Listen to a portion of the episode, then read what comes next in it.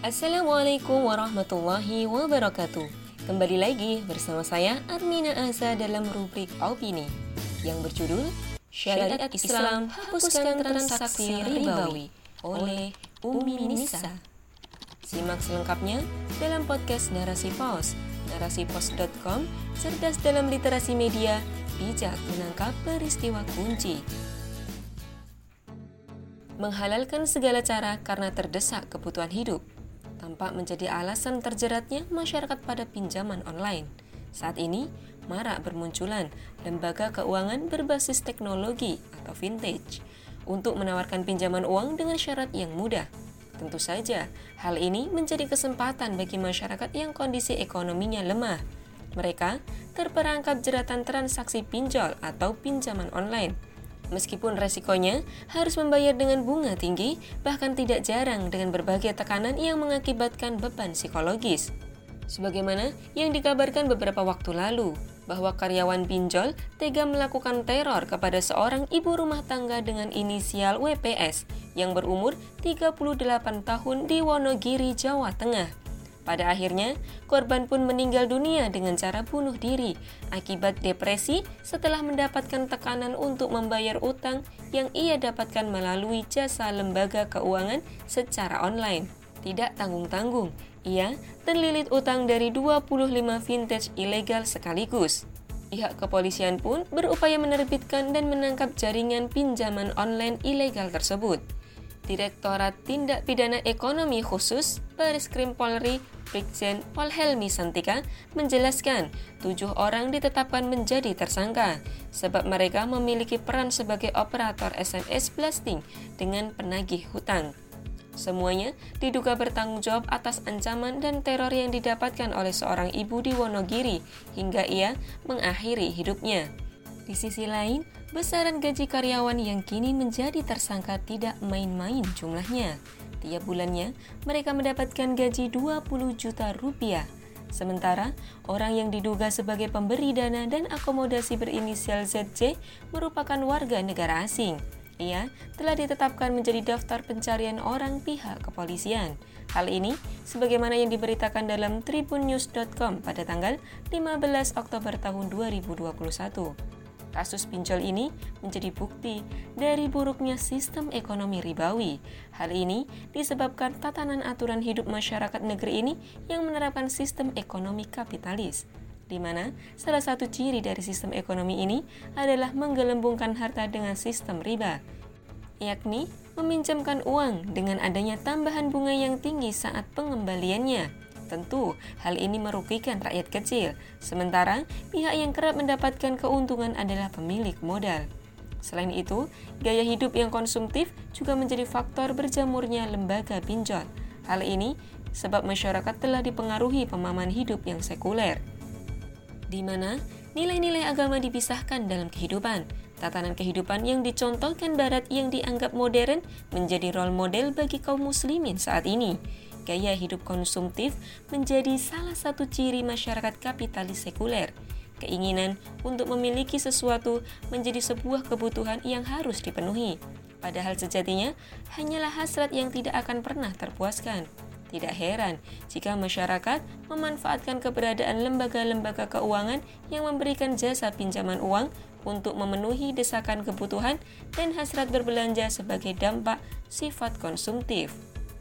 Sementara, karyawan lembaga pinjol, mereka hanyalah para pekerja yang membutuhkan penghasilan di tengah sulitnya lapangan pekerjaan. Peluang sebagai pekerja di lembaga keuangan ilegal ini cukup menggiurkan. Besaran gaji yang mereka dapatkan per bulan sampai puluhan juta rupiah.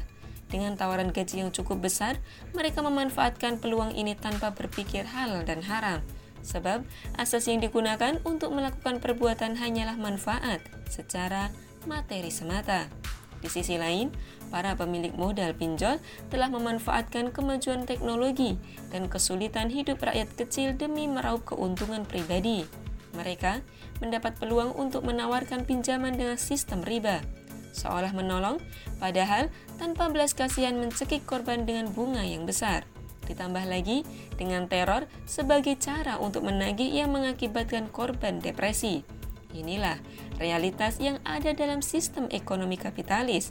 Kemiskinan dan gaya hidup konsumtif merupakan buah diterapkannya aturan sekuler kapitalis ini. Rakyat kecil dijadikan sapi perahan untuk menghasilkan kekayaan para kapitalis. Siapa yang kuat, maka akan menekan yang lemah. Masyarakat bergaya hidup mewah dalam memenuhi kebutuhan hidupnya. Impitan beban ekonomi dan kemajuan teknologi digital khususnya atau vintage dijadikan ajang kesempatan untuk menggelembungkan modal yang dimiliki para kapitalis. Adapun peran negara semestinya tidak hanya fokus pada penangkapan dan menertibkan jaringan lembaga keuangan digital yang dianggap ilegal saja. Sebab baik yang legal maupun ilegal sama saja merupakan transaksi ribawi yang menyengsarakan hingga menyeret rakyat ke dalam kubangan maksiat. Masalah sesungguhnya terletak pada tatanan aturan kehidupan yang ada telah mengakibatkan meningkatnya kemiskinan dan gaya hidup konsumtif, sehingga masyarakat membutuhkan solusi yang dapat menjamin terpenuhinya kebutuhan hidup mereka. Oleh sebab itu, dibutuhkan suatu aturan yang komprehensif agar dapat memberikan jaminan terpenuhinya kebutuhan masyarakat secara menyeluruh, sekaligus dapat menjamin distribusi kekayaan merata di antara masyarakat sehingga dapat mengurangi tingkat kemiskinan. Pengaturan ini pun dapat mencegah maraknya lembaga keuangan yang memberikan pinjaman dengan bunga, baik rendah terlebih yang tinggi.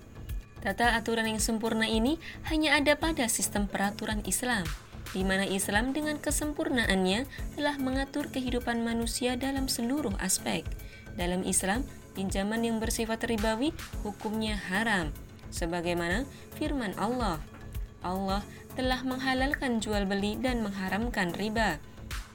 Quran Surah Al-Baqarah ayat 275 Larangan riba menurut syariat Islam tampak jelas, tidak ada batasan, baik rendah ataupun tinggi bunga yang ditetapkan selama dikategorikan kelebihan maka hukumnya haram.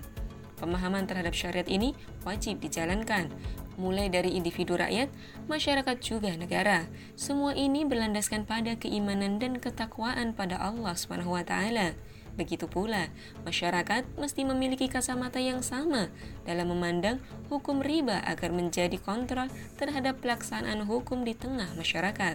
Budaya amar ma'ruf nahi mungkar dapat menjadi wasilah atau cara agar hukum dapat ditegakkan budaya ta'awun saling tolong-menolong menjadi asas yang dibangun dalam bermuamalah, sehingga dapat saling membantu dan meringankan beban orang lain.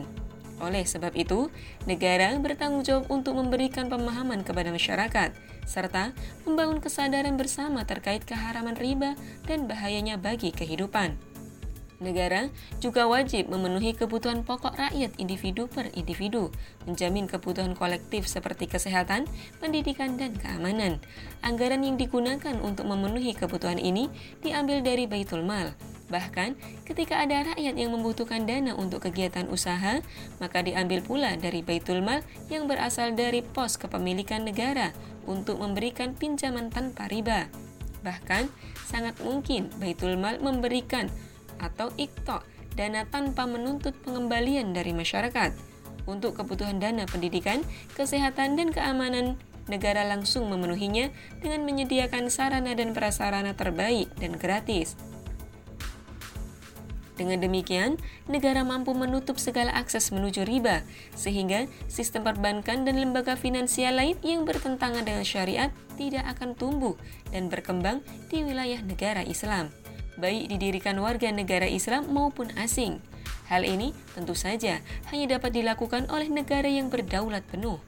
Syariat Islam kafah tidak boleh tunduk terhadap intervensi asing, baik dalam bidang ekonomi maupun politik negara lain. Dengan penerapan syariat Islam secara kafah akan menghapus semua transaksi ribawi, baik legal maupun ilegal di tengah masyarakat. Wallahu a'lam bishawab.